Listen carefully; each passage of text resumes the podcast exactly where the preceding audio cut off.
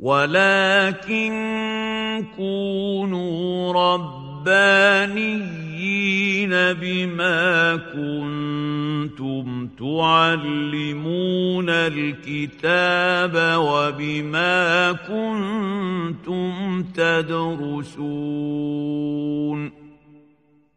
بسم الله الحمد لله والصلاة والسلام على سيدنا رسول الله محمد صلى الله عليه وعلى آله وصحبه وسلم تسليما كثيرا طيبا مباركا فيه إلى يوم الدين. اللهم لا علم لنا إلا ما علمتنا فعلمنا يا رب ولا فهم لنا إلا ما فهمتنا ففهمنا يا رب. اللهم زدنا من لدنك علما. اللهم آمين. اللهم اغفر لنا ذنوبنا وإسرافنا في أمرنا وثبت على طريق الحق أقدامنا. اللهم اجعلنا هداة مهديين غير ضالين ولا مضلين. اللهم أعزنا وأعز الإسلام بنا اللهم اهدنا واجعلنا سببا وسبيلا لمن اهتدى. اللهم عافنا واعف عنا وعلى طاعتك أعنا ومن شرور خلقك سلمنا وإلى غيرك لا تكلنا. اللهم إن أردت بالبلاد والعباد فتنة فاقبضنا إليك غير فاتنين ولا مفتونين. برحمتك يا أرحم الراحمين. اللهم أمين. ثم أما بعد هذا هو اللقاء السابع عشر في إطار مدرستنا لرسالة المعاونة والمظاهرة والمناصرة للراغبين من المؤمنين في سلوك طريق الآخرة وعندي سؤال آه، يقول هل في الجنة كل واحد سيكون مع أهله؟ يعني هل سنكون مع أهلنا في الجنة؟ ولو الإجابة نعم ليه بندعي؟ لماذا نقول اللهم أبدله أهلا خيرا من أهله؟ الإجابة عن هذا السؤال أننا عندما ندعو بهذا الدعاء للميت نقول اللهم أبدله دارا خيرا من داره وأنيسا خيرا من أنيسه وجليسا خيرا من جليسه وأهلا خيرا من أهله ونحو هذا. نحن نتحدث عن حاله في القبر فإن آه، الميت في القبر يكون أهله وعمله فنقول اللهم زد في عمله الحسن وبارك فيه وأذهب عمله السيء وتجاوز عنه. اللهم إن كان محسنا فزد في إحسانه وإن كان مسيئا فتجاوز عن سيئاته. فمن آل المرء الذين يكونون معه عمله. هذا معنى. المعنى الآخر الملائكة الذين يجالسونه. فندعو أن يجالسه ملائكة الرحمة لا ملائكة العذاب. هذا معنى آخر. المعنى الثالث أن يزوج من الحور العين. آه، وليس معنى هذا أن أهله الذين كانوا معه في الدنيا لن يكونوا معه. إنما إن كانوا أكرم الله سبحانه وتعالى فكانوا من أهل الجنة يكونون معه ومعه آخرون أيضا. شكرا جزيلا. بارك الله فيك. فهذا والله تعالى أعلى وأعلم. قال الشيخ رحمه الله فصل وعليك بالنصح لكل مسلم. نعم. بسم الله.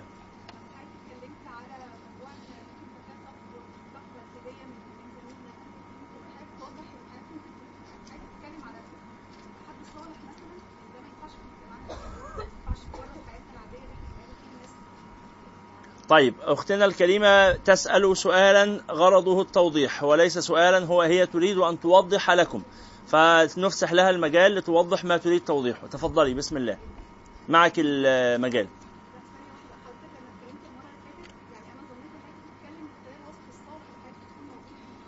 مين قال ان أنا في وسط صالح؟ هذا لا لا أنا أتحدث بصدق. من قال هذا؟ يعني وسط حضراتكم طبعا وسط الحمد لله كرم الله علينا لكن لا ليس هذا هو الوسط الذي يكون فيه دائما. بل أجالس الناس بشرائحهم المختلفة وأرى أحوالهم وأعرف هذا. يا أستاذة ثريا أختكم ثريا تسأل هو هل يجوز للفتاة أن تقبل هدية من زميلها في العمل؟ نقول نعم.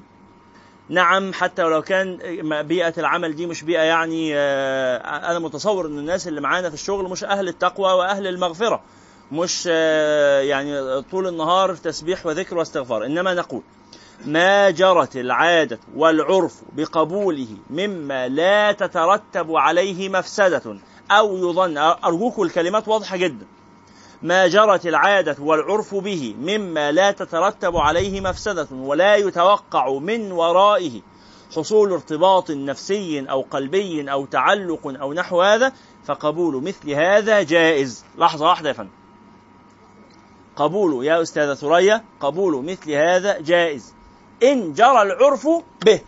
يعني يعني عرف مجتمعنا. يقول إنه لما حد يجي الشغل الصبح وجايب مثلا سندوتشات للناس اللي حاضرين في الشغل كلهم رجالة وستات كله بياكل مع بعضه. فما بيظنش هنا إنه فلان وفلانة دول أو إنه فلانة دي تقول ده فلان ده يقصدني أو يرغب في الزواج بي أو نحو هذا. عرف مجتمعنا عرف بيئتنا عرف شغلنا بيقول إيه؟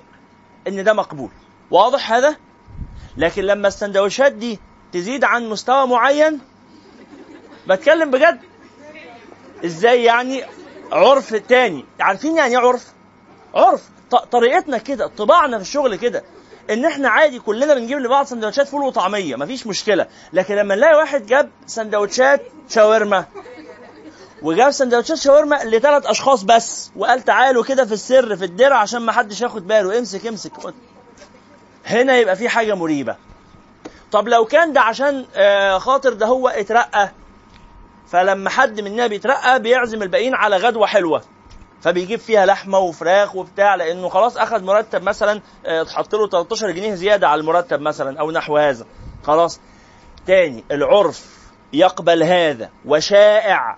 شائع بين الناس ولا تترتب عليه مفسدة ما الوجه من في منعه؟ فهمت يا أستاذة؟ بس. حضرتك بقى بتقولي بس هتترتب عليه مفسدة. هقول لك خلاص يبقى هذا غير ما جاء في السؤال. إن كان إن كان هذا الفعل تترتب عليه مفسدة حرم لأجل المفسدة. اتفضلي.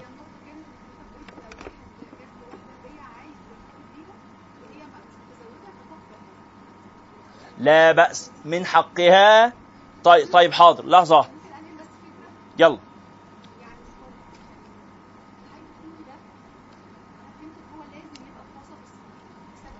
لحظة واحدة. هو الأول أختنا الكريمة دي اللي هتقبل الزواج بهذا الإنسان. هل سنقول لها إن إذا كان هذا فاسقا فاقبلي الزواج به واقبلي هديته؟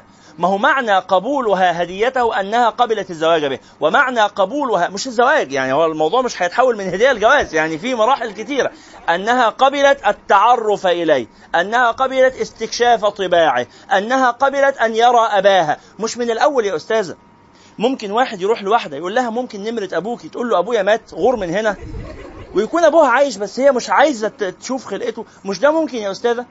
بس فنحن نقول إن يا جماعة الخير إن قبول مثل هذه الهدية إن كان بغرض إنه لا لا مانع من أن تأتي لتتعرف إلى أبي أو نحو هذا مما لا تترتب عليه مفسدة يعني مش هتتحول لعلاقة ثنائية بعيده عن الأهل. هذا قطعا لا يجوز ولا يحتاج إلى نص ولا بيان. قطعا لا يجوز. مش هتتحول لعلاقة ثنائية طب جاب لي هديه طب أنا لازم أردها له. طب في المناسبات. طب بيطمن على صحتي. طب بيصحيني على صلاة الفجر. طب بطمن إن هو صحته كويسة عشان خاطر يعني يستعد للجهاد في سبيل الله. فبتشوفه راح الجيم ولا راح ده كلام فارغ بقى. نعم.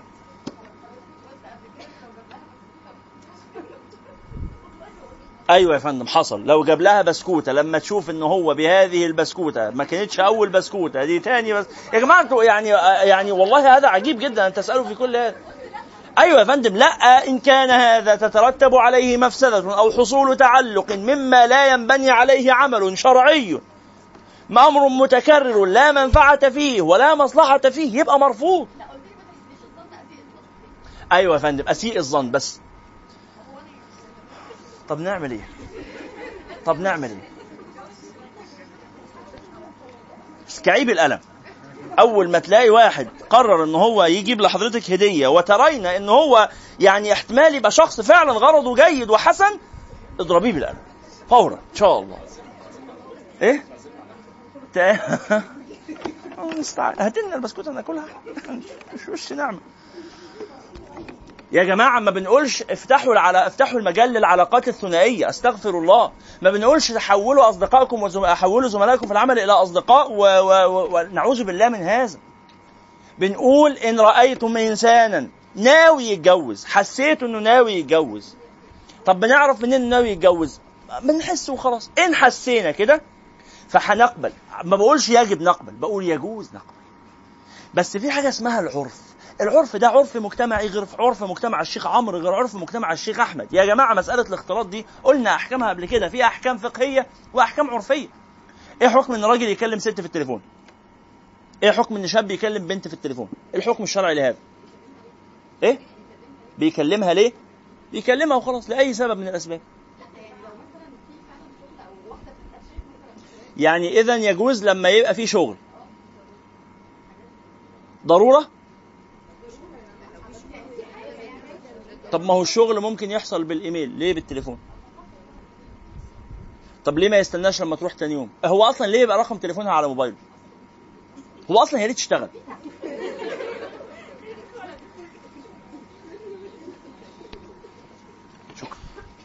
طب إيه حكم هيكلمها في شغل؟ خلاص جائز ان راجل يكلم ست عشان الشغل؟ جائز ده اللي بتقولوه يا فقهاء يا سادة يا محترمين؟ جائز إن الراجل يكلم البنت عشان الشغل؟ طيب ينفع يبقى الساعة 12 بالليل؟ ليه؟ ما يصحش ليه؟ عشان الشغل برضه. طب إيه رأيك إن أنا عرف مجتمعي بيقول إن مفيش مشكلة؟ فهمت المسألة؟ عرف ده متغير جدا. متغير جدا. طب طب ينفع 11 أنت قلت ما ينفعش 12 طب ينفع 11 طب ينفع 10 10 آخر حاجة؟ إيه رأيكم؟ 10 كويس؟ طب ال 10 ونص. ما ينفعش. اذا الساعة جت 10 بقى حرام. خلاص؟ عرف مجتمعي عرف مجتمعي إن مفيش مشكلة. لغاية الساعة واحدة بالليل. لأن إحنا طب بلاش. ينفع الساعة 11 بس في رمضان؟ 11 في رمضان بيكون لسه مخلصين صلاة التراويح ينفع؟ كل لسه التراويح في الركعة الأخيرة. ينفع يا الشيخ؟ قوش قلبي. يا مشايخ في أحكام فقهية وأحكام عرفية في التعامل بين الرجال والنساء. في أحكام فقهية وأحكام عرفية. الضوابط الفقهية أربعة. عدم المصافحة. عدم آه، كشف العورات عدم الخضوع بالقول وعدم الملامسة وعدم الخلوه خلاص؟ لا. عدم المصافحة حاضر حاضر. عدم المصافحة عدم الخضوع بالقول عدم كشف العورات آه وإيه تاني؟ وعدم الخلوه أربعة. بس دي اسمها الضوابط الفقهية. يعني يعني أول حاجة عدم المصافحة يعني مفيش تلامس مفيش إيد تلمس إيد. عدم الخضوع بالقول يعني ما نقولش كلام مش ولا بد ما نقولش كلام ملوش لازمة ما نقولش كلام خارج عن السياق ما نقولش كلام فيه دلع ما نقولش كلام يعلق المشاعر. وما نقولش كلام يعلق المشاعر دي كلمة واسعة قوي. خلاص؟ فما يقبل آه، مثلا في في كلام عادي اللي هو مثلا ها أن يقول الرجل للمرأة آه والله ده شغل جيد جدا بشكرك. ربنا يكرمك. الشغل معمول باحترافية عليه. هذا يعلق المشاعر؟ الله. قال إن الشغل معمول باحترافية. الله. قال على الشغل مهني. الله. ده هبل بقى. مش هنشتغل كده. خلاص. لكن في طريقة تانية في الكلام. ممكن يتقال نفس الكلام بس بطريقة تانية. لا بس الشغل حلو. فهمتوا يا جماعة المسألة؟ ما يتقالش كلام. إذا حضرتك شعرت إن الكلام اللي بيتقال لك أو اللي أنت بتقوله قد يؤدي إلى خلل في المشاعر امنعه. امنع سماعه وامنع قوله. فهمتوا المسألة؟ عرف يا جماعة عز ذكاء. لو ما هو فيش ما قام به الطبع ما هات يا شيخ يقولوا يا سيد الشيخ ما قام به الطبع فقد أغنى آآ آه، آه، فقد سكت عنه الشرع. ما قام به الطبع فقد سكت عنه الشرع. يعني لم يأتي الوصية الشرعية إيه، ببر الولدين أو الأبناء ببر الأبناء. ليه؟ لأنه بر الأبناء ده قام به الطبع. فخلاص سكت عنه الشرع. حاضر. يبقى عدم المصافحة عدم الخضوع بالقول عدم كشف العورات. وده للرجال والنساء نفس الكلام ما نكشفش العورة. طب لو العورة مكشوفة عدم آه، يبقى غض البصر غض البصر. غض البصر اللي هو إيه؟ النظر إلى الوجه والكفين للمعاملة. غض البصر إيه قيد غض البصر؟ النظر إلى الوجه والكفين للمعامله يعني أنا بدي زميلتي في الشغل التقرير اللي أنا عامله. بغض بصري يعمل كده وهي تغض بصرها تعمل كده والبتاع يقع في الأرض؟ بنعمل كده ولا بننظر للوجه للمع... الوجه والكفين فقط؟ أو اتفضلي يا فندم شكرا جزيلا مع السلامة خلصنا. لكن النظر للوجه والكفين لا أكثر من المعاملة ها لتأمل بديع خلق الله في السماوات والأرض. برضه شوية ذكاء بقى. يبقى غض البصر وعدم كشف العورات. ورابع حاجة إيه يا مولانا؟ عدم الخلوة. إيه الخلوة؟ الخلوة هي وضع يمكن تعرفها كده في الفقه وضع يمكن معه في الغالب إتمام الجماع. يعني يقعدوا في أوضة مقفولة محدش يعرف يدخل عليهم فيها. هو ده معنى الخلوة. التليفون مش خلوة والإيميل مش خلوة والشات مش خلوة وفيسبوك مش خلوة وتويتر مش خلوة. الأسانسير مش خلوة. الأسانسير مش خلوة. ليه؟ لأن الأسانسير يعني ما يتصورش ما يمكنش فيه. إتمام الجماع. خلاص الأسانسير النوع في الأسانسير ما نكملش دقيقة. طب لا لو الأسانسير ده فيه زرار stop في مش في أسانسيرات كده فيها زرار إنك توقف الأسانسير؟ مش كل الأسانسيرات. إن كان الأسانسير فيه هذه الخاصية وفيه ال option ده عمارة مهجورة ما حدش هيطلع الأسانسير. إحنا ممكن نقعد في الأسانسير ساعة من غير ما حد يطلبنا. ما حدش هياخد باله. يبقى مثل هذا هتبقى خلوة. حرام. فهمتوا المسألة؟ هركب مع سواق في العربية. إيه حكم إن امرأة تركب مع سائق في السيارة. منفردين. هي قاعدة ورا وهو قاعد قدام. إيه الحكم؟ خلوة ولا مش خلوة؟ لا مش خلوة لأن هم في وسط الشارع. في وسط الزحمة في وسط العربيات. هتنزل المرأة تركب تاكسي ولا تركب بتاع. لا إشكال في هذا. لحظة واحدة. طب لا ده هتركب مع سائق في طريق سفر. لا بقت خلوة. ليه؟ لأنه في طريق السفر يمكن إتمام الجماع في السيارة من غير أن ينتبه أحد. فهمتم هذا؟ بس يبقى هي دي الخلوة. خلصت الضوابط الفقهية على كده. بعد كده في ضوابط عرفية.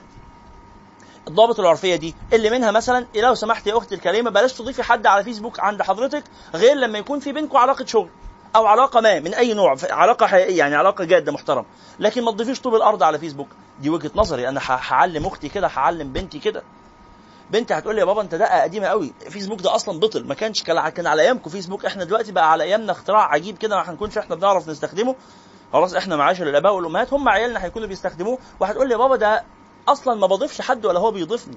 ده أنا مجرد ما بسجل على هذا الحساب بيكون في مليار شاب موجودين. بقول له انت البنت الوحيدة؟ تقول لي لا ما هو بيبقى في برضه مليار بنت. هم كلهم بيشوفوا بعض من غير ما. أقول لها طب ما تحطيش صورك على البتاع ده عشان ممكن يبقى فيه خطر. تقول لي خطر ده انت قديم قوي.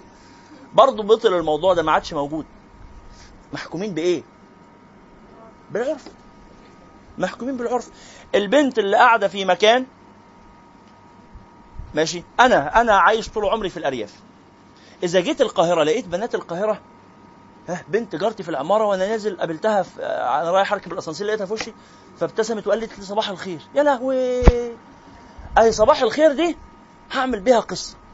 وهي البنت عادي يعني أو سلام عليكم أو اي أي لفظ من الألفاظ اللي الناس بتقولها لبعض لما تتقابل. سلام عليكم. ها؟ فأنا سلام عليكم دي يا لهوي على بنات مصر وفجر بنات مصر. بيقولوا لبعض سلام عليكم كده أهو. الراجل اللي ما يعرفوش بيقولوا له سلام عليكم. فهمتوا المسألة؟ يبقى في الحالة دي البنت لو عرفت هذه الفتاة جارتي لما تعرف إن أنا ثقافتي كده وطريقتي كده وحضرتي كده ما تقوليش سلام عليكم. تبطل تقول. أو ما نزعل. أقول إشمعنى معلش بتقول لي صباح الخير؟ فأفضل مراقب كده فلاقيها بتقول لي جيراني صباح الخير. خلاص بقى ده خيال مريض. فهمتوا اللي عايز أقوله؟ نعم. عايزة تعقبي على ده يا أستاذ سرايا وضحي اللي عايز توضحيه. إيه؟ نعم لا لا اتفضلي. هرجع لحضرتك حالا يا أستاذ اتفضلي يا فندم.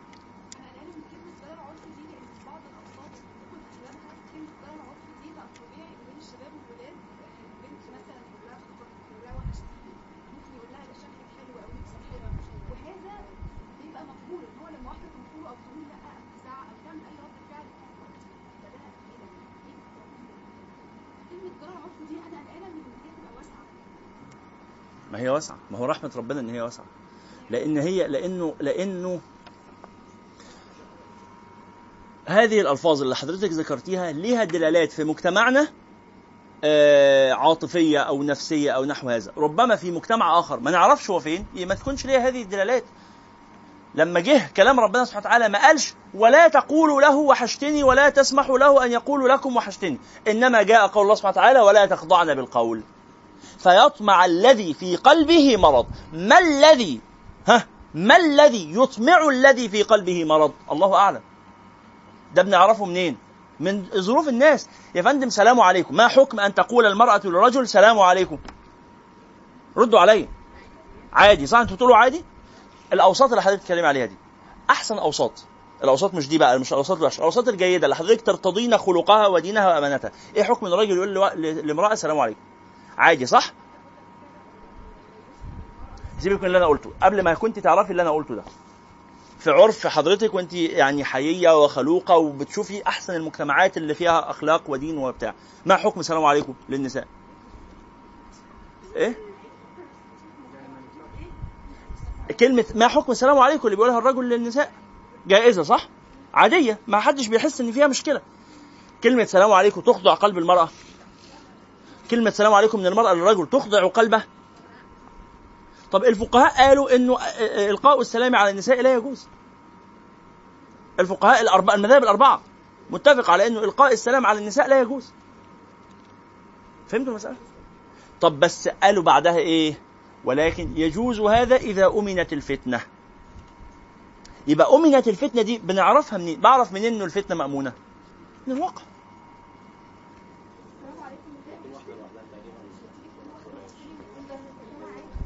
بنقول إن ده مرفوض في مجتمعنا مرفوض بكل المعاني لأنه هذه الكلمة يترتب عليها شعور. أنا ليه حاسس إن أنا آه، هنتحول لمرحلة توضيح الجاليات والواضحات الحدود الحدود الحدود انه نقول لها لو سمحتي فوقي على دماغك كده ولو سمحت فوق على دماغك كده وانتبه الكلام اللي أنت بتقوله ده في ظروف مكتب بلاش بالإنجليزية. انسوا إحنا الإسلام بيخاطب العرب بس ولا بيخاطب العالم العالمين؟ العالمين. بالإنجليزية إيه حكم إن البنت هتاتي الفتاه إلى الشيخ المفتي الإنجليزي ولا الفرنسي وتقول له يا فضيلة الشيخ أنا أسلمت حديثا؟ ما حكم أن أقول لزميلي في العمل I like you فيقول لها يعني إنه I like you هذا أنا معجبة بك هذا لفظ يقال في إطار المجاملات الاجتماعية مقبول صح ولا إيه؟ بالإنجليزية. I like you غير I love you ف I like you لفظ جيد لا إشكال فيه. لما هيترجم لما آجي أنا يترجم هذا اللفظ إلى العربية. فآجي أنا العربي أقرأه فأقول يا لهوي الشيخ المفتي الإنجليزي فجر. بقى يقول للست إن هي ينفع تقول للراجل أنا معجبة بك. اللفظ لا يساوي هذه الدلالة. اللفظ في الإنجليزية أنا I like you يوازي آه، عملك جيد أو أنت شخص جيد أو يعني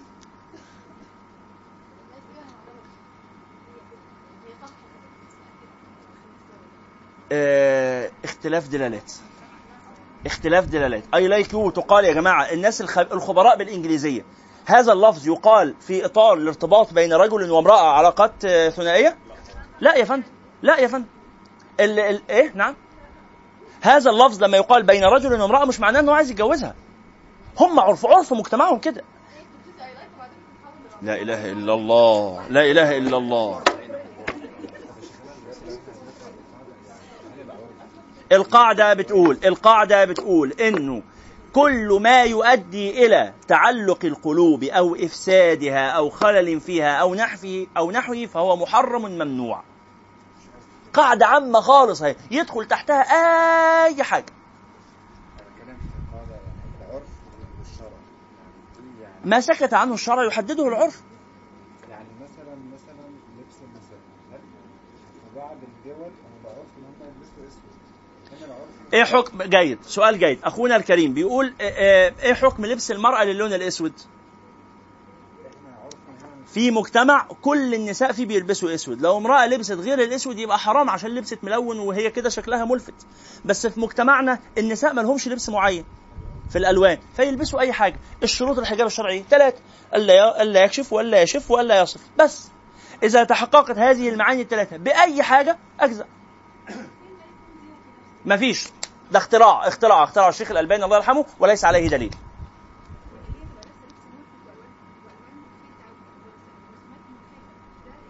بنقول إنه مطلوب. الا يكشف والا يصف والا يشف. دي الصفات الثلاثة. ثم نقول إن هناك معنى جملي. معنى جملي. مقصود من المرأة الستر والحياء وبتاع. فما تلبسش حاجة شكلها ملفت. ولا الراجل. مش بس المرأة. بنقول للمرأة ما تلبسيش ما تلبسيش فسفوري. مفيش داعي للبتاع الفوسفور اللي بينور في الضلمة. ليه بتلبسي بحاجات بتنور في الضلمة؟ ليه؟ لو سمحتي ما تلبسيش الحاجات دي. تقول هي حرام نقول لها حرام في مجتمعنا. لو شاع في مجتمع ما إن كل الستات فيه بيلبسوا فسفوري مش هيبقى ملفت. هيبقى متعب للعين بس لكن مش هيبقى ملفت. خلاص. أو كله بيبقى بيلبس فسفوري. إيه الحكم يا سي الشيخ لما يكون خلاص. فهمتوا المسألة؟ جائز. الحجاب عارفين الحجاب السوداني؟ الحجاب السوداني. حتة قماشة طويلة والمرأة بتقف جواها تفضل تلف كده خلاص. بقت سترها من فوقها لتحتها ما حكم هذا؟ جائز هو إحنا ليه نخلي نساء السودان يلبسوا زي نساء أهل مصر ونساء أهل مصر يلبسوا زي نساء المغرب ونساء المغرب يلبسوا زي نساء آآ آآ تركيا؟ كل مجتمع ليه سمته ليه لبسه ها؟ واضح؟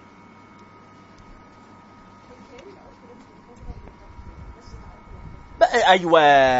العرف مش محتاج رأي حد. بس. العرف مش محتاج رأي حد. العرف معروف. معروف اسمه عرف معروف. الناس عارفاه. عرف. هتقولي ما هو العرف مختلف. أيوه بيختلف. رأي المهم يا جماعة لحظة واحدة. أنا في الآخر لما بعامل أي حد أنا عندي إيه؟ معايير الشخصية اللي يجب على الآخرين يلتزموا بيها. مبدأ إنساني. مبدأ إنساني. إن أنا الناس يعاملوني بطريقتي ولا بطريقتهم؟ طريقتي أنا. والله أنتوا بتقبلوا ده؟ اقبلوه أنا مالي. فبنت هتروح الشغل فالطبيعي إنه كل الزملاء في الشغل متبادلين أرقام التليفونات مثلا رجالا ونساء عشان مصلحة العمل مصلحة العمل تقتضي كده. إنه هنتصل بفلان لو سمحت ادي لفلان طريقتهم كده. هي بتروح ما عندها مبدأ شخصي ان ما حدش ياخد رقم تليفونها. تعمل إيه؟ من حقها جدا إن هي تسيب الشغل. تسيب الشغل. أو تروح لمدير العمل تقول له أنا آسفة مش هعرف أدي رقم تليفون لحد فيشغلها في حتة ما فيهاش إعطاء أرقام تليفون فهمت المسألة؟ معايير الشخصية الناس يجب عليهم يلتزموا بيها. لكن في الآخر ما اقولش بقى إن معايير الشخصية دي شرع ودين. امرأة بتحب تلبس الملحفة السعودي. ما تجيش زي ما عملوا في مصر للأسف في السبعينات والثمانينات قال لك الملحفة السعودي اللي هو الإسدال ولا البتاع هو ده الدين. هو ده الزي الشرعي. ها؟ للمرأة المسلمة. ولازم النقاب والنقاب واجب. إيه ليه ليه كده؟ ليه كده؟ ويجب يكون أسود. لدرجة سمعت شيخ من المشايخ المشهورين نسأل الله سبحانه وتعالى أن يغفر لنا وله. بس يعني لا علم تحت الصفر. علم تحت الصفر. بس اهو واعظ وعمال شغال. فيقول هي المرأة ليه؟ حجاب بيتكلم عن حجاب المرأة المسلمة وصفاته وشروطه. يقول هو ليه المرأة لما تيجي تلبس حاجة ليه تكويها؟ بتكوي الحاجة ليه؟ والله العظيم. بالنار أنا سامعه. لا بتغسلها عشان التنظيف. بس ليه تكويها؟ أنت عايزه الناس يبقى يبقى شكلك حلو يعني وشيك ويبصوا عليكي أنت تلبسي البتاع كأنها طالعة من بق كلب والله بالنص. بالنص. شيخ مشهور بدون ذكر اسماء يعني. آه لسه عايش. ربنا. يديله الصحة ويهدينا وإياه. نعم. أنت تلبسي العباية كأنها طالعة من بق كلب. ليه؟ عشان ما يبقاش شكلها ملفت. عشان لو شوف بقى. هيبقى شكلها ملفت أكتر؟ آه بس شكلها ملفت مش مئزاز. اللي هو مش هيبقى شكلها جذاب. يعني أصل هي لما يبقى البتاع مكوية ممكن تفتن قلب الراجل. والله واحد من الشباب كاتب لما الأخت طرحتها بتهفهف كده والهوا بيعملها وبتاع قال لك يبقى طرحة الأخت فتنة. اقلعي الطرحه يا أختي الكريمة؟ خلصنا بقى يا جماعة. نعم. في السفر ما ينفعش نركب تاكسي لوحدنا مع سواق لأنه لأن هنا هيتحقق معنا الخلوة.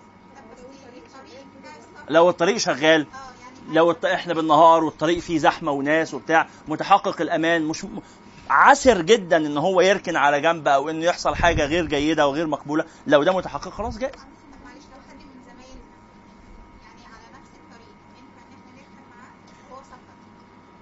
هذا هذه خلوة. هذه خلوة. طريق السفر يا جماعة تاني العرف. العرف بتاع بلدنا إنه طريق السفر مليان على يمينه وعلى شماله اماكن فاضية يمكن التطرق إليها من غير ما حد يشوف حاجة. هذا حاصل. ما نقولش بقى بس أنا أخلاقي واخلاقه الخلوة مش متعلقة لا بأخلاقي ولا باخلاقه الخلوة ده معنى شرعي. لحظة واحدة يا فندم. الخلوة والمصافحة والكشف العورات والحاجات دي كلها دي معاني مش راجعة للعرف. دي معاني راجعة لإيه؟ للتقدير الشرعي. مهما كنت يا حضرتك ضمن أخلاقك وضمن أخلاقه بس دي خلوة حرام لا تجوز. نعم. البنت ينفع تركب مع خطيبها لو مشوار جوه المدينة. نعم. طب لا لحظة واحدة بقى لحظة واحدة بقى عشان دي كارثة تانية دي دي كارثة تانية. البنت لو ركبت مع خطيبها هيمسك ايدها تتقطع ايده ما تركبش معاه. البنت لو ركبت مع خطيبها هيقولوا عليها وهيقولوا ما تركبش معاه. البنت لو ركبت مع خطيبها هيتبص لها بصة مش كويس ما تركبش معاه. يبقى كل الحاجات دي بتقول إيه؟ انه عرف المجتمع. بيقول ان ركوب البنت مع خطيبها غلط يبقى ما تركبش معاه. طب إذا هو بالنسبة لعرفه هو يسمح عرفها هي ما يسمحش. تركب ولا ما تركبش؟ طب عرفها هي يسمح هي من بيئة وسط اجتماعي ما عرفهم عادي إن البنت تركب مع خطيبها. بس هو جاي من وسط ومن بيئة تانية لا ما ينفعش. يركبها معاه ولا ما يركبهاش؟ ما يركبهاش. هتقول له طب ما بتركبنيش معاك العربية ليه مستعر مني؟ يقول لها والله أنا عندي معايير شخصية. أنا آسف مع احترامي لما ربنا يأذن لنا إن شاء الله وطلعي قصدي يعني وأبقى أتجوزك أبقى أركبك معايا يا رب. الحكم ده لما شيخنا الشيخ أشرف مكاوي كان بيشرحه فقوبل بحالة فزع كده شيء زي اللي حضراتكم عملتوها دي. فقال يا جماعة فرقوا بين ما تربينا عليه وبين ما هو من شرع الله. فاللي إحنا تربينا عليه إن ده غلط. خلاص يبقى غلط. يبقى غلط ما فيهاش كلام. إحنا تربينا على إن ده غلط. يبقى لو عملناه مشكلة إن إحنا لما نتربى على حاجة غلط فنعملها. مشكلتها إيه؟ إن إحنا هنبقى أقدمنا على ما نعتقد أنه حرام. إيه ده؟ مية صح؟ طيب لو جه الشيخ عمرو يعتقد أن هذا خمر وإحنا كلنا نجزم إن ده مية يجوز له يشرب منها؟ طب لو شرب منها يأثم؟ آه يأثم رغم إنه شرب مية. يأثم يأثم ليه؟ لأنه أقدم على ما يعتقد حرمته. حتى هو لما يجي يشربها هيقوم يعمل إيه؟ يستخبى كده على جنب ويفتح الإزازة و... الله ويعمل كده وبتاع. أداء أنتوا فهمتوا المعنى؟ يبقى لما حضراتكم تكون تربيتكم وطريقتكم وثقافتكم وحضارتكم ووجدانكم ها بيقول إن سلوك ما أو فعل ما أو حاجة ما حرام اوعوا تعملوها اوعوا موضوع منتهي. ليه؟ لأنه إقدام هذه الفتاة يا جماعة البنت اللي طول عمرها متربية على إنه لو راجل كلمها دي مصيبة. لو سمحت لرجل أن يأخذ رقم هاتفها وهو أول راجل في الحياة تسجل رقمه وهو يسجل رقمها هي بماذا ستشعر؟ فتنة ما بعدها فتنة فتنة مزلزلة للقلب يعني. وهو بالنسبة له لا ده في 600 بنت على الموبايل. فهو مش هياخد باله أصلا إن هو سجل رقم يعني يعني كان زمان وإحنا صغيرين يقول ده معاه رقم بنات. والله كده زملائنا ده معاه رقم بنات. يعني إيه معاه رقم؟ عادي فيها إيه معاه رقم بنات؟ فهمتوا المعنى؟ بس هو بالنسبة له لو مثلا العكس لو هو أول بنت هو يسجل رقمها فهيبقى ماشي خايف التليفون يتقفش. والله لو حد لو امه ولا أبوه شاف إن هو مسجل على تليفونه رقم أنا أعرف هذا. رجالا كبارا مش صغارا. لو لو حد عرف إن هو مسجل على تليفونه رقم فلانة الفلانية زميلته في الشغل هتبقى فضيحة. هيتجرس. ليه؟ أنت مسجل رقمها ليه؟ هي بالنسبة لها مسجلة كل الناس اللي في الشركة. فهي لا تشعر بشيء. هو مفتون. المفتون ده يعمل إيه؟ نقول له يجب عليك يا تمسح رقمها يا تسجل بقية الأرقام. يسجل بقية الأرقام ليه؟ خلاص يبقى ده الموضوع عادي. يبقى أنت دخ... يبقى غيرت عرفك. فانت انتقلت إلى مكان جديد إلى بيئة جديدة إلى ثقافة جديدة. فتعرف انه الموضوع ده مش شخصي. كفايه قال بسم الله. قال وعليك بالنصح لكل مسلم. النبي عليه الصلاة والسلام يقول الدين النصيحة. فاختصر الدين في النصيحة. جعل الدين كله نصيحة. قلنا لمن يا رسول الله؟ قال لله ولرسوله ولكتابه ولأئمة المسلمين وعامتهم. وعليك بالنصح لكل مسلم. وغايته غاية النصح. ما غاية النصح؟ قال وغايته ألا تكتم عنه شيئا ترى في إظهاره له حصولا على خير أو نجاة من شر. قال رسول الله صلى الله عليه وسلم الدين النصيحة ومن النصح أن تكون لكل مسلم في غيبته كما تكون له في حضوره. زي ما بتعامله وهو قاعد زي ما بتكلمه وهو قاعد تتكلم عنه وهو غائب. خير إن شاء الله. طيب بسم الله نعود فنحمد الله تعالى ونصلي عليه. هذا السؤال الذي جاء عن الصديق اللي هو حاله انحرف. شوفوا يا جماعة. الصديق الذي انحرف حاله كأخي الذي دخل في البحر يعوم فأصابه ما يصيب الناس من الغرق. وأنا واقف على الشط. أنا بين أمرين. إما أني ماهر في السباحة عندي دورات في الإنقاذ وداخل لابس لايف جاكيت أو يعني سترة نجاة أستغفر الله. آه لابس سترة نجاة. حديث بالغير العربية آه لا يجوز. آه لمن يستطيع أن يتحدث بالعربية. فمن أخطأ وزل فليستغفر الله. فأنا أرتدي سترة نجاة هذا تعرفونه بدراسة المستوى التعريفي إن شاء الله فمش موضوعنا دلوقتي. هتاخدوه إن شاء الله. المهم بس خلينا في موضوعنا. فأنا لابد أن أرتدي أه سترة نجاة وأستطيع السباحة وعندي دورة في الإنقاذ والسترة اللي أنا لابسها مربوطة بحبل مشدود إلى الشاطئ. إذا توفرت لي هذه الشروط يجوز إن أنا إيه أدخل وأمسكه وأشده معايا. طيب لا أنا شاطر جدا في السباحة. وعندي دورة في الإنقاذ لكن مش معايا سترة نجاة. على حسب. هو في الدوامة يعني هل في إعصار ولا بس إن هو بيكابد الأمواج؟ فهمتوا المسألة؟ ها؟ وهل هو عايز يخرج ولا عايز يدخل؟ فلو دخلت هيمسكني معاه ويشدني. واضح؟ فده حالة حاجة أنت اللي تقدرها. هل عندك قدرة على إنقاذه أم ستهلك معه والله لو أخويا. لو أبويا لو أمي لو ابني وأنا على الشاطئ وهو بيموت وأنا ليس عندي قدرة على إنقاذه عمري ما هدخل. عمري ما هدخل. ليه؟ لحظة واحدة. ليه عمري ما هدخل؟ لأن دخولي ليس إنقاذا له إنما إهلاك لنفسي وهو لن يستفيد شيئا. قط. لن يستفيد شيئا ألبتة.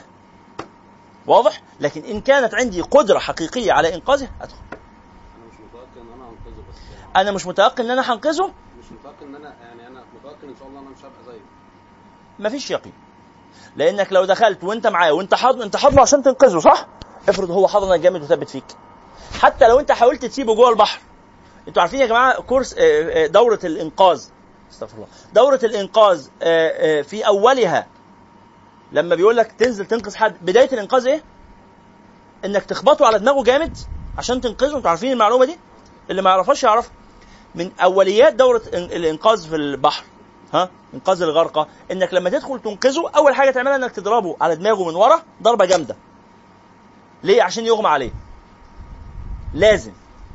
ليه يغمى عليه؟ عشان تقدر تسحبه. لأنه لو لم يغمى عليه هيفضل عنده مقاومة غصب عنه على فكرة هو مبقاش عايز يغرقك هو مبقاش واعي. هو غصب عنه بيحاول كده يفلفص يدافع الموج فغصب عنه هيثبت فيك جامد هيغرقك معاه. مستحيل هو جسمه متشنج. مستحيل تقدر تنقذه وهو في هذه الحالة. ها؟ فهل انت عندك قدرة؟ انت عارف لو ضربته فين يتوجع ويغمى عليه؟ هو مش في الدوام هو مش في الدوامة. على حسب بقى. دي حالة انت اللي تقدرها.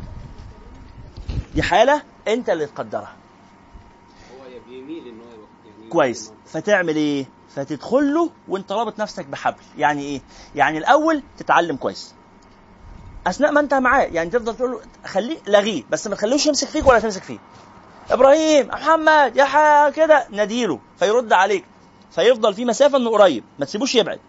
بس ما تثبتش لأن التثبيته دي لازم لها أصول. فهمت معايا؟ لحظة يا أخويا. لحظة. معلش يا احمد التثبيته دي لازم لها أصول. أصول المهنة أصول الصنعة اللي هي علم الدعوة. لازم تتعلم علم الدعوة. خلاص حضرتك قلت المره اللي فاتت ولا قبلها مش فاكر تكون معاه بس انت في دماغك دايما ان انت بتغيره انت عارف عشان تغيره أيوه يبقى أنت بتعمل إيه؟ يبقى أنت لما بتنزل له أنت مربوط بحبل الحبل ده اللي هو إيه؟ الصالحين اللي أنت مشدود بيهم. اللي هو بتروح تحاول معاه شوية وبعدين ترجع حاطط نفسك في البيئة الطبيعية بتاعتك. تاخد نفسك على الشط وبعدين ترجع له تاني تحاول تنقذه. قضيت وقتك كله معاه وتقول إنك هتنقذه غصب عنك من غير ما تقصد هتروح لو أنا بعمل زي ما حضرتك بتقول كده أو يعني مش شايف مش حاسه يعني فبروح وبرجع وبروح وبرجع. وانت لما بتكون معاه ما بتتأذيش؟ متأكد. خلاص افعل هذا. افعل هذا افعل هذا بس بهذا الشرط. بهذا الشرط أو الشرطين دول. الشرط الأول إنك معاه مش زيادة عن اللزوم عشان ما تغرقش. الحاجة الثانية إنك أنا لما أكون معاه بشيله من اللي هم معاهم ويجي يرجع يقعد معانا. الله أكبر. يبقى انت بتنزل يبقى يبقى اللي انت بتعمله إيه؟ ان انت بتنزل تجيبه بالفعل من البحر وتطلعه على الشط وبعدين هو بيرجع يجري من وراك تاني وينط في المية. فانت بترجع تجري وراه وتجيبه. الحقه بقى وهو على الشط واربطه. اتكاتر عليه باصحابك الناس اللي على الشط دول اتكاتروا عليه اتكاتروا عليه اتلموا وربطوه على الشط. اتصرفوا حاولوا هيهرب منكم. حاولوا بقدر المستطاع انكم تتكاتروا عليه يعني تحطوا في وسط بيئة. هاتوا في وسط اصحابك ال- الجدعان ما عندهمش فكره اللي أنا اللي أنا عايزه ان هم خلاص زي ما حضرتك بتقول كده سيبه روح لناس عندهم الفكر ده. روح ل... يمكن دول ما عندهمش دورة إنقاذ يمكن دول مش مهتمين. روح لناس عندهم الفكر ده. إخواننا في التبليغ والدعوة. إخواننا في التبليغ والدعوة أنصح جدا بصحبتهم في مثل هذا. خلاص ما عندهمش علم عميق من ناحية الايه الكتب التراث وكده لكن عندهم هم الدعوة. خلاص وصحبة ال- المجالس الطيبة ونحو هذا. فروح جمعهم كده وخدوا معاهم وخليهم يتلموا عليه. يحاول. في الآخر إنك لا تهدي من احببت هي محاولات يعني. فهذه محاولات طيبة إن شاء الله. نفعل إن شاء الله والله. ربنا يك- يكرمك ويكرمه ويحفظه ويثبته على شاطئ النجاة وإيانا والصالحين. نعم. بسم الله. واحد عفوا إيه؟ مش لازم أقول له انها مش موجوده ما يخصوش.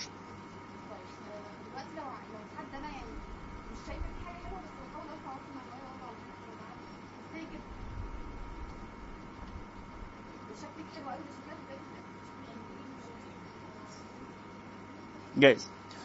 اللي كنا فيه قبل الصلاة صلوا على رسول الله صلى الله عليه وسلم.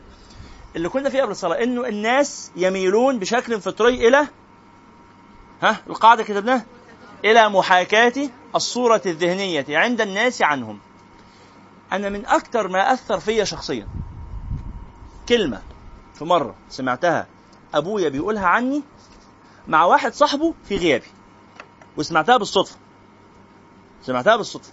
في يوم كنا في المسجد بعد صلاة ال- العصر وكان ابويا هينصرف خلاص الصلاة خلصت وهيمشوا هو وصديقه. والمسجد كله فاضي ما كانش فاضي في المسجد غير أبي وصديقه وأنا. وبعدين خارجين من باب المسجد فقلت لهم لا أنا هقعد شوية. قالوا بس الجامع هيقفل؟ قلت لهم إيه خلاص اقفلوا عليا. وكان عندي ساعتها مراجعة قرآن وبتاع فقلت لهم هراجع لغاية الإيه؟ ال- العشاء وهصلي العشاء وأروح. يعني هقعد أصلي المغرب والعشاء في المسجد وأروح بعد العشاء. أنا هذا المسجد يعني تقريبا نشأت فيه. يعني حياتي كلها قضيتها صغيرا في هذا المسجد مسجد نور الإسلام في في مدينة نصر. فبعد ما نزلنا وهم خرجوا من باب المسجد وقفلوا ومشيوا فأنا ماشي داخل جوه المسجد وبعدين سمعتهم من الشباك بعيد عن الباب. في حتة يعني كانوا هم فاهمين المسألة؟ هم مشوا. فسمعت أبويا بيقول للراجل عني صفتين. مش هقول لكم إيه هم طبعا حاجة شخصية جدا يعني. بس صفتين فيهم معنى المدح. وأبويا مش عادته المدح. الحقيقة أظن أغلب الآباء أو تقريبا كلهم المدح عندهم معرفش بيجيب لهم حساسية. يعني آه يعني مش حاجة م- يعني سهلة عليه. نفسيا كده ما بيحبش يمدح أو ما أعرفش. إيه، يمكن بالذات مع الذكور. يعني ممكن يمدح الإناث. يعني لعل حضراتكم عندكم آباء مثلا بيمدحوكوا فرحمة ربنا بيكم لكن صعب جدا ما شفتش حد من اصحابي الذكور آه، أبوه ممكن يمدحه. سمة نفسية كده أو طريقة. ربنا يحفظ آبائنا ويبارك فيهم ويرحمهم يرحم من مات ويرحم من عاش وكل حاجة. الشاهد فالصفتين دول اجتهدت بقيت حياتي كلها والله إلى الآن بشكل لا إرادي ومن غير ما أشعر إن أنا أحاكي هاتين الصفتين. ويمكن يعني حياتي اتعملت كده. خلاص؟ زقت زقة رهيبة لقدام بسبب كلمة أو أبي لم يقصد هذا هو مدحني بصفتين هو بيقول للراجل صديقه انس ده كذا وكذا. كذا وكذا. فبقيت أشتغل على أي حاجة في الحياة تؤدي إلى إن أنا أبقى كذا وكذا دول. ما اقعدش أقول كذا وكذا كتير عشان الفضول مزعج. خلاص. أنتوا فهمتوا المعنى ها؟ فامدحوا الناس لأنه مدحكم للناس يجعلهم يتحققون. يعني أنت لما تقول تقولي على صاحبتك مثلا شكلك كويس فهي تجتهد إن هي تحاكي هذه الصورات نعم. بس من غير مبالغة عشان في حاجات بيبان قوي إن هي يعني كاذبة يعني ما إيه؟ آه بالظبط أو مداهنة طبعا لأن المداهنة حرام واحد ظالم. ما حكم مشاركة المرأة العاملة في مصاريف البيت؟ جائز. هل هو واجب عليها؟ لا طبعا مش واجب عليها طب. طب بتشتغل تعمل إيه بفلوسها؟ آه، أي حاجة ترميها في الشارع تديها لأهلها أي حاجة. آه، طيب. وعلى الزوج أن يسألها في ذلك أم يتركها تشارك بما تشاء؟ لا يتركها تشارك بما تشاء أو يسألها في ذلك على حسب ما. ما هم متفقين يمشوا بيتهم. على حسب ما هم متفقين يمشوا بيتهم. لكن هو يلزمها بذلك لا. لا يجوز له ذلك بل تسيب الشغل وتقعد في البيت. من حقه حتى لو البيت محتاج طبعا مسؤوليته هو مش مسؤوليتها. حتى لو البيت محتاج مسؤوليته. بس هو من حقه إيه؟ إن هو يمنعها من الشغل. مش من حقه انه ياخد فلوس شغلها. بس من حقه ما يأذن لهاش بالشغل. من حقه ما يأذن لهاش بالشغل. لكن إن أذن لها بالعمل هي تشتغل عشان تجيب لنفسها لبس عشان تجيب لنفسها بس تجيب لنفسها لبس فوق الحد الواجب عليه. هو الحد الواجب عليه إيه؟ طقم كل سنة. طقم كل سنة ده الواجب عليه. في العيدين ده فضل وكرم ونعمة. آه, آه, آه قلنا إيه؟ كسوة في الصيف وكسوة في الشتاء. كسوة في الصيف وكسوة في الشتاء. لأن طبعا مش ما ينفعش طقم واحد يتلبس طول السنة لأنه في أوقات حر وأوقات برد وكده.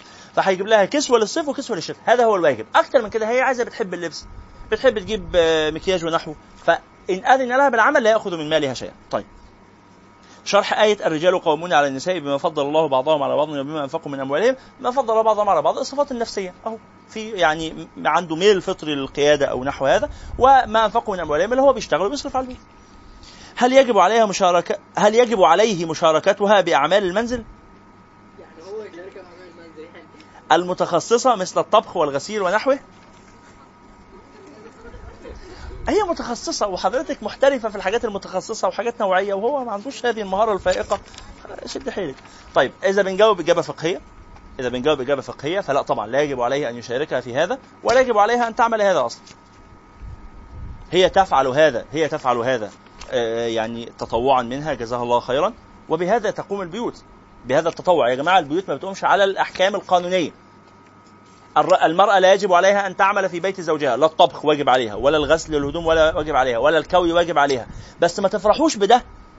لأنه لو قلت لكم ده هنقول له هو برضو وإنفاقك على المرأة لا يجب عليك أن تأتيها بما تشتهي من الطعام ولا الثياب ولا حتى العلاج. إذا مرضت لا يجب عليك أن تنفق عليها. بس كل ده إيه؟ دي إجابات فقهية إجابات قانونية ده اللي يقوله القاضي ده القاضي لما يوجب عليه نفقة يقول له والله تديها كل شهر 350 جنيه على قد ما هتجيب أكل وبتاع بس هي الحياة ما بتمشيش بكده فهمتوا المعنى؟ فالحياة بتمشي بإنه يتك على نفسه شوية وهي تشيل نفسها شوية والعرف بتاع مجتمعنا والدنيا ماشية لكن الأح... الح... الحق يحقق كده. إيه؟ عليه الصلاة والسلام كان صلى الله عليه وسلم يعني في مهنة أهله أو في عمل أهله فكان يقوم البيت وكان. يخصف نعله ويخيط ثوبه فلما الجزمة تتقطع يقعد يصلحها ولما الهدوم تتقطع يقعد يخيطها بس الراجل دلوقتي ممكن يكون بيشتغل في اليوم 16 و17 و18 ساعة فهو بيروح بالعافية عشان يلحق ينام أربع خمس ساعات وهي تصحيه من النوم كان صلى الله عليه وسلم يخصف نعله ويخيط ثوبه امسك يخرب بيت شيطانك مش هعرف. إحرقيه مش عايز اخيطه مش عنديش قدرة نفسية ف... نعم. لأن هو لو هي قالت له كده يخصف نعلة يقول لها وكان يمر الهلال تلو الهلال تلو الهلال لا يوقد في بيت رسول الله نار. يجيب لها علبة بلح ده أكلنا الشهرين اللي جايين. اسودين بلح ومية أقول ان ممكن يبقى الراجل يعني اللي في الحاله دي ان ده الرسول كان عنده هم الدعوه انت شغلك ده ولا حاجة أهو ولا حاجة دي هي اللي عايشانا يا جماعة الرحمة يا جماعة الرحمة الرحمة هي اللي بتقوم عليها البيوت الرحمة إن إحنا نتراحم إن أنت ترحمها وإن هي ترحمك وإن أنتوا الاتنين ترحموني. عشان أعرف أكمل الدرس. يعني الرحمة والله المجتمعات كلها قايمة على الرحمة. خلاص لكن أنت هترحمها وهي ترحمك وأنا اطلع في الموضوع ده ولا حاجة؟ حرام يعني. كنت في تدريب خارج مصر الحمد لله على السلامة وكنت أتدرب مع فتاة تركت المسيحية جيد لأنها لم تقتنع بالاعتقاد ففكرت أن تؤمن بوجود الله ولكن لا ديانة لها بيسموهم اللا دينيين آه، هل يمكن أن أساعدها إذا لم اكن من أهل العلم؟ طبعا يمكن أن أساعدها بالدخول إلى المواقع المتخصصة بالدراسة الأول انها أتعلم وأحاول أساعدها طبعا بما أستطيع. بسم الله.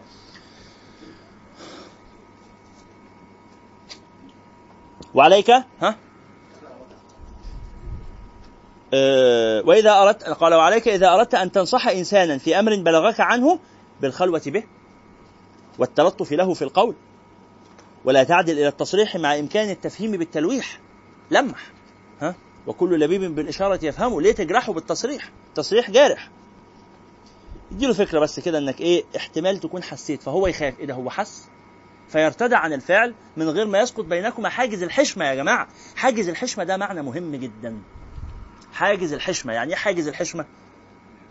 الإحراج. اللي هو تاني الناس يميلون إلى محاكاة الصورة الذهنية. يعني هو إيه؟ يعني إيه؟ أنت آه هو عارف إن صورتك عنه إن هو محترم. فهمتم هذا؟ فما تقولوش إن أنت غيرت الصورة دي عشان ما يغيرش سلوكه. حتى لو أنت متأكد إن هو من 60 دي مش محترم. طالما بيظهر لك الاحترام ما تهتكش حاجز الحشمة. فهمتم هذا؟ عشان ما يقولش خلاص بقى يرجح بقى. ما انت عرفت. خلاص هوريك بقى الوش اللي أنا كنت مخبيه.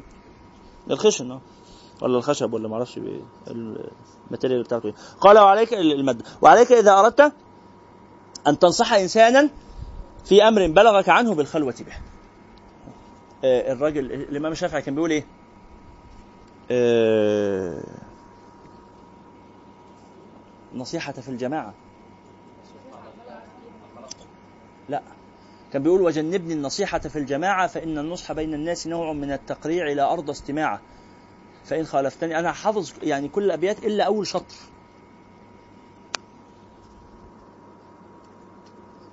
تعهدني نعم. تعهدني بنصحي في انفرادي. اكتبوا هذا. حسن. أبيات جميلة لسيدنا الإمام الشافعي. احفظوا ديوان الإمام. تعهدني بنصحي في انفرادي.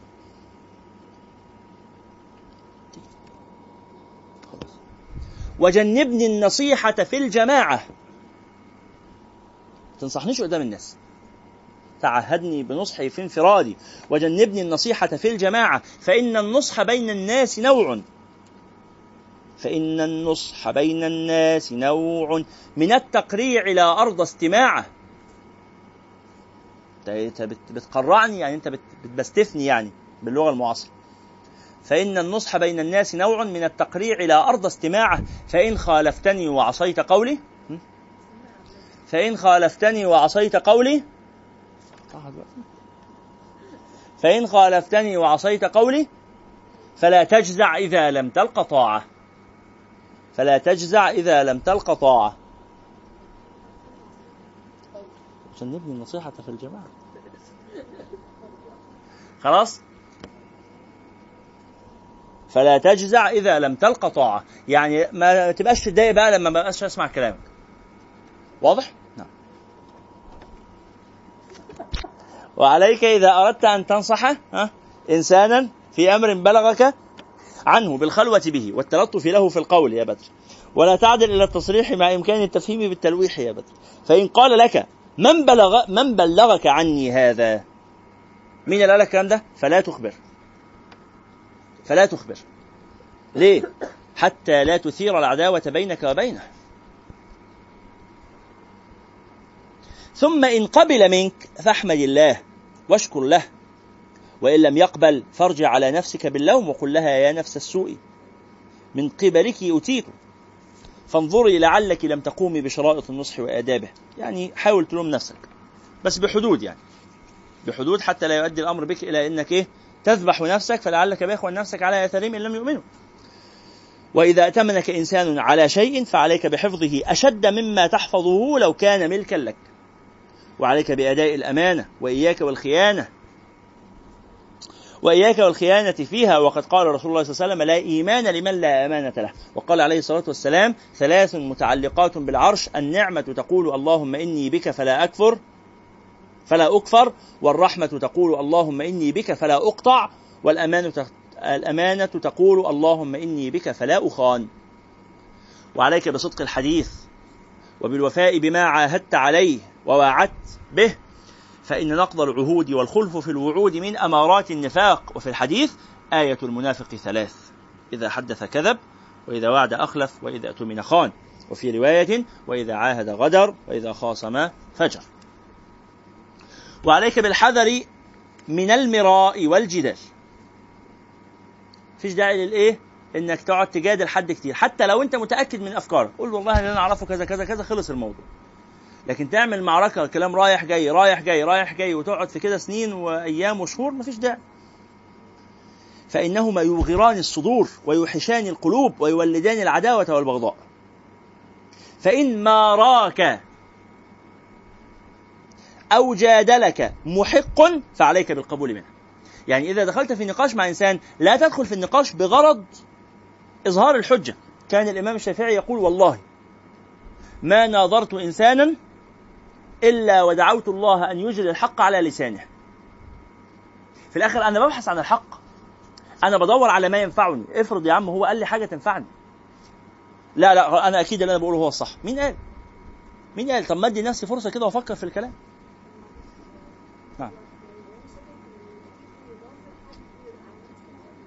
عذرا؟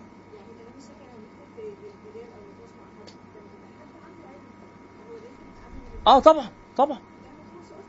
يا إما ما تدخلش أصلا بالظبط قال آه لأن الحق أحق أن يتبع.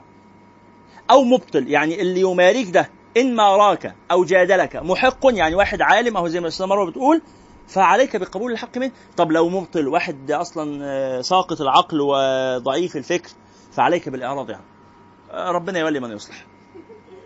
يعني إيه طبعا طبعا صح. أمال أسرف أنفق حياتي في المواصلات وأعرض نفسي للخطر. في المواصلات وفي البنوك وفي الشوارع وفي البتاع عشان خاطر أناقش أقوام. يعني عقولهم أبأس من البهائم. لحظة واحدة بس. يا جماعة في أمور جليات واضحات اللي ينكرها ما, ما خلاص ما فيش فرصة للنقاش. هذا لا فائدة فيه. لو علم الله فيهم خيرا لأسمعهم ولو أسمعهم لتولوا وهم مرضون خلاص واحد بينكر البدهيات. واضح؟ فأمثال هؤلاء تعمل إيه؟ ربنا يسهل الحال. خير إن شاء الله. خير. خير. المهم أنت كويس؟ غيروا الموضوع بأي طريقة لكن هتحرق دمك وتحرق أعصابك من أجل لا شيء. ولا؟ طب ناقشني. مش عايز ناقش مش عايز ناقش يا جماعة نفوسنا وأعمارنا ودمنا أغلى من إن نحرقه في الولا حاجة. في الولا حاجة حرفيا. نعم. عذرا. آه، حاضر. هرجع لحضرتك من شوية. إحنا جاوبت على السؤال كنت سألت سؤال من شوية وسمعته ولا لأ؟ ما كنتش سمعته؟ طب يلا اتفضل يا عاصم لو الست متفقة من قبل الجواز إن هي تفضل تشتغل هذا شرط فاسد يبطل الشرط ويصح العقد. فيتجوزها وبعد الجواز يقعدها في البيت. طب هي مصرة؟ تختلع منه؟ بقى مفيش مشكلة. تطلب الخلع. ده مش غش. زي ما ممكن هي تت- تتزوجه بشرط إسقاط النفقة. يقول لها هتجوزك بشرط إنك ما اصرفش عليك. فتوافق على هذا الشرط وهذا شرط يفسد ويصح العقد. فاول ما تتجوز تقول له النفقة. يقول لها مش اتفقنا تقول له هذا شرط فاسد. إيه؟ الشروط ثلاث أنواع يا فندم. ده ده في دورة البيت المسلم إن شاء الله تعرفيه. الشروط ثلاث أنواع. شرط باطل يبطل العقد شرط باطل مع صحة العقد شرط صحيح يجب الوفاء به. وكل منه له أحوال. شرط الشغل شرط باطل. آه ده خلاف بقى بين المذاهب. الإمام أحمد بيقول ده شرط يجب الوفاء به. الفقهاء. الثلاثة التانيين بيقولوا هذا شرط باطل والعقد صحيح. نعم. لو أنتوا اتجوزتوا على مذهب الإمام أحمد هيجب عليه أن يفي بهذا الشرط. يعني من ضمن مثلا الشروط قلت لكم قبل كده ما قلتلكوش في الدورة الثلاثيه لو لو راجل آه، تزوج امرأة هو اشترطت عليه الا يتزوج عليها. ها؟ هذا شرط باطل مع صحة العقد إلا على مذهب الأمام أحمد. نعم. عذرا؟ بيخلف وعده؟ آه. إيه حكم خلف الوعد؟ حرام. بس من حقه.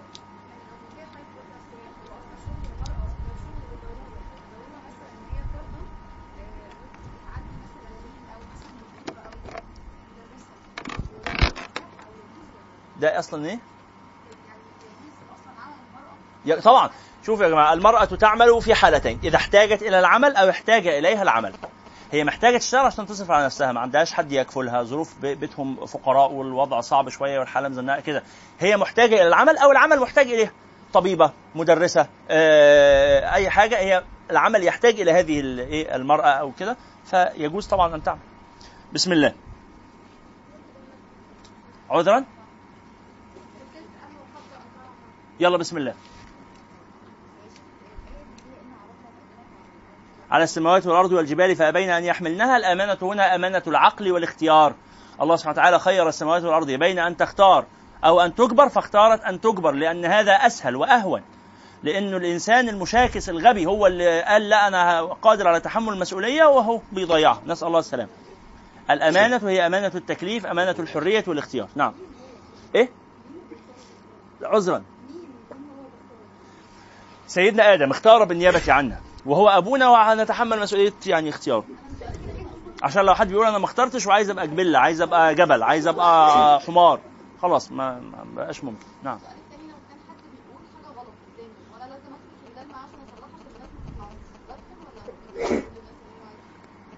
على حسب على حسب. إن كان الدخول في النقاش ده يتوقع له فائدة مع الالتزام بآداب ومع الحكمة والهدوء والصبر مع كده أدخل فيه. لكن أحيانا بيكون لا. أسيبه يقول بيقول واللي بيسمعوه دول هم اللي يعني أقول لهم يا جماعة ما فيش داعي الكلام اغير الموضوع. أتدخل مش بالنقاش بقى مش بالنقاش والبيان. أتدخل أنا مش عايزه يقول كلام يفسد به عقولهم. أعمل إيه؟ أتغير أتدخل بتغيير الموضوع.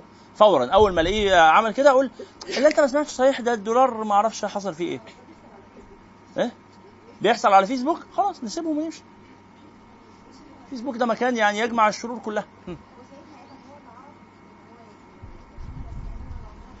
الله سبحانه وتعالى خيره وهو اختار. بسم الله. آه قلنا السماوات والأرض ائتيا طوعا أو كرها قالتا أتينا طائعين بسم الله. قال عليك بصدق الحديث انتهينا منها. قال عليك بالحذر من المراء انتهينا منها. قال عليك بترك المزاح رأسا. لا تمازح الناس. فإن مزحت نادرا على نية تطيب قلب مسلم فلا تقل إلا حقا.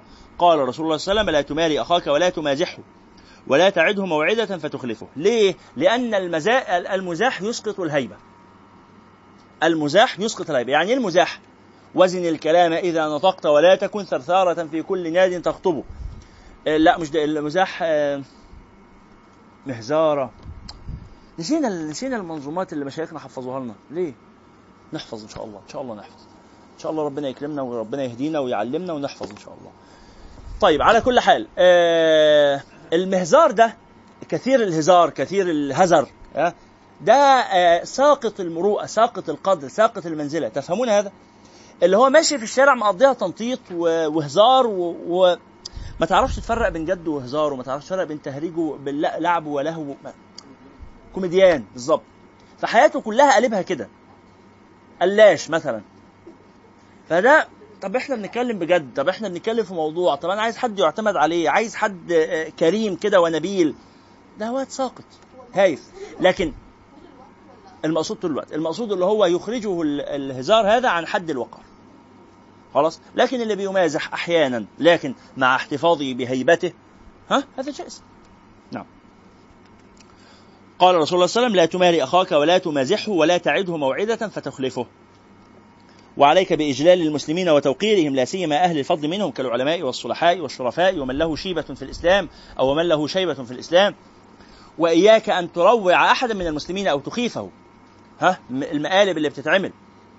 حرام يا جماعة اتقوا الله. البومب والصواريخ اللي بنحطها ورا الباب مثلا فلما حد يفتح الباب يقوم. المقالب اللي بنعملها في أصدقائنا ونحو هذا هذا كله لا يجوز حرام. ها ونجيب حيوانات مثلا ميتة ونحطها في الأرض عشان يبقى شكلها مقرف فلما حد يدخل يقرف منها وتطلع في الآخر بلاستيك. ها ونحو هذا مما يفعله الإيه؟ الناس. هذا كله لا يجوز. طبعا فضلا عن برامج الإيه؟ التلفزيون اللي بيجيبوا فيها آه، الفنانين ونحو هذا ويتفقوا معاهم على إن هم هيعملوا فيهم مقلب ويدوا لهم فلوس وكده وبعدين يطلعوا فيخافوا كده وكده قدام الناس يعني وبعدين يقوموا إيه؟ يوافقوا إن هم يذيعوا المشهد ده. كل ده كلام فارغ ده ده خداع لكنه حرام أيضا. حرام ليه؟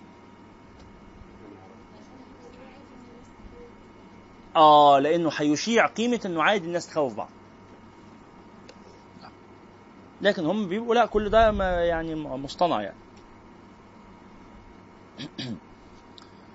وإياك أن تروع أحدا من المسلمين أو تخيفه أو تستهزئ به أو تسخر منه أو تنظر إليه بعين الاستحقار فإن هذا كله من الأخلاق المشؤومة والأفعال المذمومة وقد قال رسول الله صلى الله عليه وسلم بحسب امرئ من الشر أن يحقر أخاه المسلم. نعم. ما نستهزئش بالمسلمين حتى لو إيه؟ حتى لو فاسقين؟ آه لا. الفساق لا منزلة لهم. يجوز السخرية من الفساق بقصد الحط من شأنهم بين الناس حتى لا يكونوا من المكرمين. آه بس إحنا عندنا عقول نفهم بيها. إحنا نضم الكلام بعضه إلى بعض. ما بناخدش جزء من الكلام ونجري منه نجري بيه. نضم الكلام بعضه إلى بعض. كلام العلماء كله نفهمه مع في السياق ما بناخدش حتة صغيرة كده تعجبنا ونقوم نكبرها ونلغي بقية الحاجات. مش مش منطقي فالفساق يجوز السخرية منهم عشان يكونوا إيه؟ آه، مكانتهم في المجتمع ساقطة. ينظر إليهم نظرة الإيه؟ زي إيه؟ خدني الشيخ الله يرحمه الشيخ كشك خدني في حنانك خدني اللي كانت تقولها أم كلثوم الله يرحمه. خدك ربنا يا شيخ. مش كان بيقول لها الشيخ كده؟ أهو ده لما الشيخ يقول كده يحصل إيه؟ الناس هذا هو المقصود. ده عين المقصود التربوي. إن الناس بعد ما يسمعوا هذا الموقف ما تبقاش بالنسبة لهم أم كلثوم وما تثيره من الفسق ونحوه ما تبقاش إيه؟ معظمة موجله مقدرة. لا. ها إيه يما القمر على الباب ما الشيخ الله يرحمه شيخ كشك آه، آه، آه، آه، آه، ام إيه يقول ساعتها بقى الامر اللي يسبح بامر لا قال قال, قال إيه من كتاب الله سبحانه وتعالى وكلهم في فلك يسبحون قبلها إيه؟ إيه؟ قبلها لا الشمس ينبغي لها أن تدرك القمر ولا الليل سابق النهار وكل في فلك يسبحون الش- القمر ساب الشمس وجه عشان يخبط على باب كان اسمها إيه المغنية اللي بتغنيها؟ فايزه خلاص ونحو هذا يا جماعة من يعني هذه الأمثلة وغيرها يا أستاذة يا أستاذي الكريم مما يسقط هيبة الناس عند الإيه؟ هيبة ال- الفساق في نفوس الناس. في في الآخر شخص مرذول فعله، مرذول حاله، ما ده مغني يعني. مش يتقال ده مغني. ده مطرب جليل قدير ده فنان عظيم. لا ولا عظيم ولا حاجة.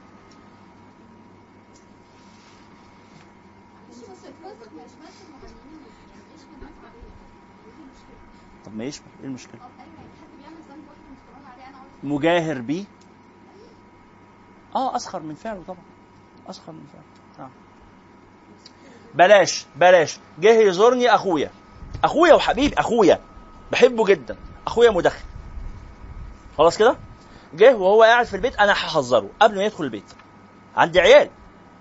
يا أحمد قبل ما تيجي تزورني أنا بقول لك أهو ما تشربش سجاير في البيت. فجه أحمد وهو قاعد طلع آه، علبة السجاير بتاعته. أعمل إيه؟ عندي حل من اتنين. يقف وأطرده اتفضل اطلع بره. العيال عيالي أولى عندي. عيالي أولى.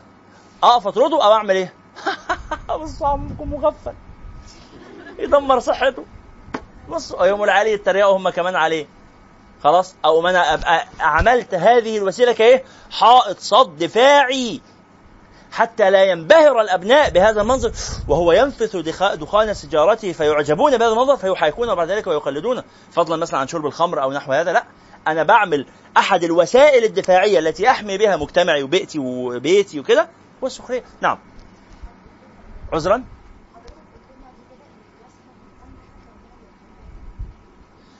أيوه أنا هنا أسخر من ذنبه لغرض تربوي. لا أسخر من ذنبه لأجل الاستعلاء عليه وإحنا قلنا قبل كده. اللي بيسخر من ذنب الآخر استعلاء عليه. نشوف أنا الحمد لله أنا معافى وأنت مبتلى. هذا هو الذي يبتلى بمثله. لكن أنا هنا لا أسخر منه من باب إن أنا بتنطط عليه عشان أنا معافى وهو مبتلى. لا علشان أريد أن أمنع شره أن يصل إلى أبنائي أو إلى أهلي أو أو نحو نعم.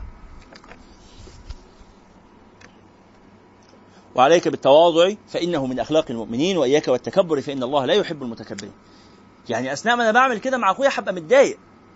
وبقول يمكن أخويا أحسن مني بس أنا في الآخر مضطر أحافظ على الولاد. نعم. ما فيش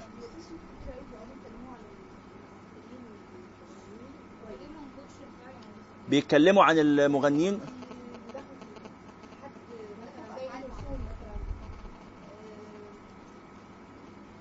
غفر الله لنا ولهم. يا أستاذة الشيخ هنا في الأول خالص في أول الكتاب علمنا قاعدة. الكلمة اللي قالتها أختنا مروة دي كلمة خطيرة شويتين ثلاثة عشرة. بتقول طب ما في شيوخ بيجوا في التلفزيون أحيانا أو نحو هذا بنشوفهم يمدحوا في بعض المغنيين أو ال- ال- الممثلين أو نحو هذا. فإيه؟ الشيخ الحداد في أول الكتاب اللي إحنا بنقراه قال لنا إيه؟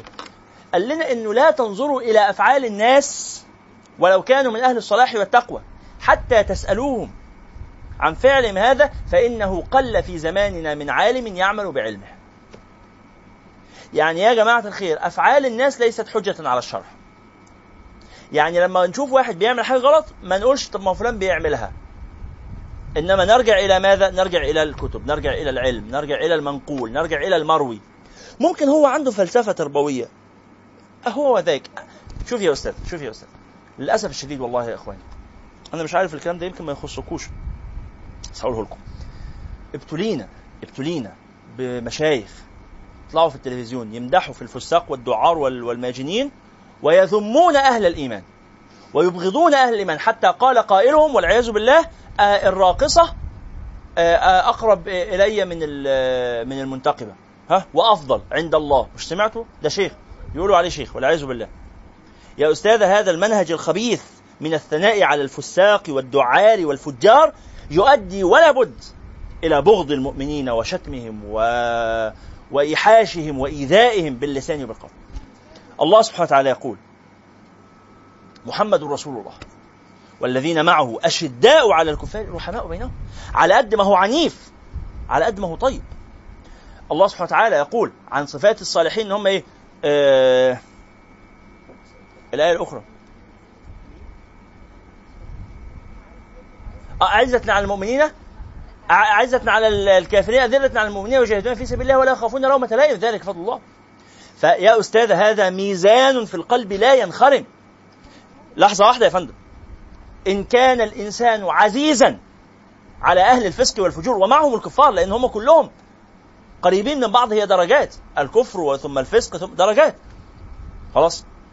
فإن كان الإنسان عزيزا آه، قويا في التعامل مع هؤلاء يكون رفيقا لينا في التعامل معهم وإن كان رفيقا لينا في التعامل مع هؤلاء الفساق والد- والدعاة والفجار إذا نظر إلى المؤمن نظر إليه نظرة الإيه؟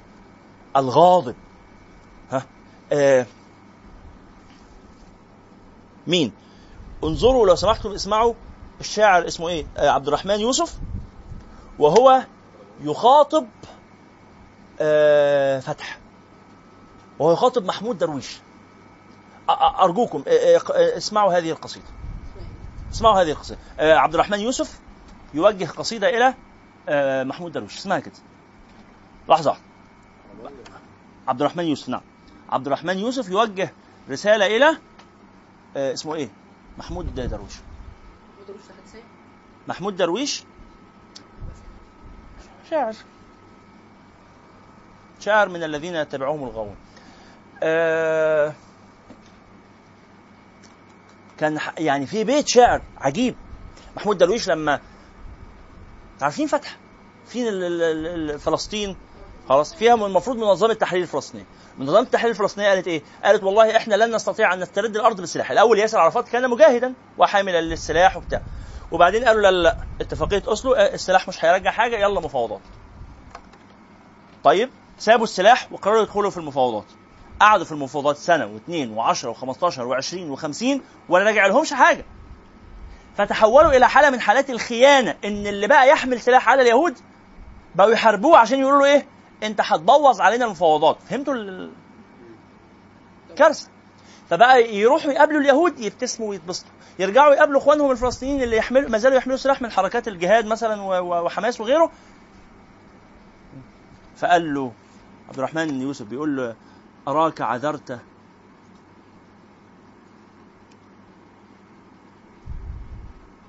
لا مش فاكر مش فاكر. إيه، اسمعوا القصيدة أنتوا هتفهموا غرضي هتفهموا غرضي لما تسمعوا القصيدة. آه، اعذروني كم عارف إن عندك وجهة نظر مختلفة وأنا محترمها من غير ما أسمعها بس اعذروني أكمل شوية. إيه سؤال؟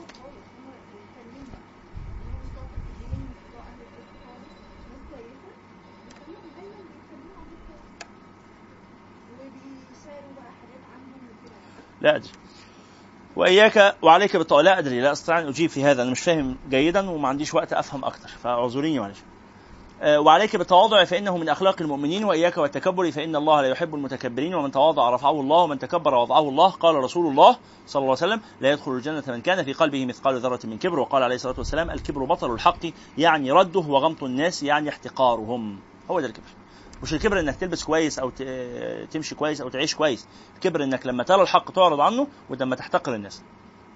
ومن نظر لو سمحتوا خط تحت هذه الجملة وحطوا عليها كده يعني إيه آه علامة مائية أو أي حاجة. ومن نظر إلى نفسه بعين التعظيم أو إلى غيره بعين الاستصغار فهو من المتكبرين. إيه علامة التكبر؟ إنك تستهي في الناس.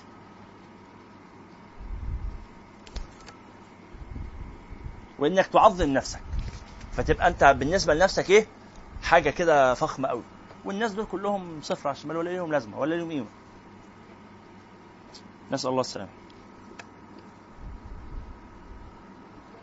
وهذا لا ينافي لا ينافي العزة والأنفة. يقولون لي فيك انقباض وإنما رأوا رجلا عن موطن الذل أحجمه هذا هذا أمر آخر يا إخواني. ليس معنى التواضع أن تذل نفسك. ليس معنى التواضع أنك تحتقر نفسك لا. أنت تنظر إلى نفسك بعين التكريم وإلى الآخرين بعين التكريم كذلك أنك زيك زيهم. لا أنت أعظم منهم فتبقى متكبر ولا أنت أقل منهم فتبقى خسيس. إنك تحس إن كل الناس أحسن منك. إيه ده؟ أتحدث هنا عن التعامل بينك وبين ربنا إنك تعتقد الناس أفضل منك عند الله. ماشي ده حاجة حسنة. سأتحدث هنا عن التعامل مع الناس أن تعتقد وانت تعامل الناس. الناس دي أحسن منك دي اسمها إيه؟ هزيمة نفسية. إنك تتعامل مع الناس تعامل مكسور. عينك مكسور أنت مفيش حاجة تكسر عينك. لا أنت عينك تحطها في عين التخين. تفهمون هذا؟ يقولون لي فيك انقباض. وإنما رأوا رجلا عن موطن الذل أحجمه. ولو أن أهل العلم صانوه صانهم ولو عظموه في النفوس لعظمه. قصيدة مشهورة يعني حضراتكم تعرفوه. فهذا أمر مهم جدا. لا أحتقر نفسي وفي نفس الوقت لا أعظمها فوق شأنها توازن والحكمة. ومن يؤتى الحكمة فقد أوتي خيرا كثيرا. وللمتواضعين والمستكبرين أمارات تميز بعضهم عن بعض ليميز الله الخبيث من الطيب. فمن أمارات التواضع التواضع حب الخمول وكراهية الشهرة وقبول الحق ممن جاء به من شريف أو وضيع. ومنها محبة الفقراء ومخالطتهم ومجالستهم. ومنها كمال القيام بحقوق الإخوان حسب الإمكان مع شكر من قام منهم بحقه وعذر من قصر. ومن أمارات التكبر محبة التصدر في المجالس والمحافل والتقدم على الأقران وتزكية النفس والثناء عليها والتشدق في الكلام والتبجح بالآباء. لأنا ابن فلان وفلان وكده. والاغتيال والتبختر في المشية وترك الوفاء بحقوق الإخوان مع مطالبتهم بالحقوق. يعني أنا أقصر في حقهم وأطلب منهم أن يكرموني وأن يعطوني حقي.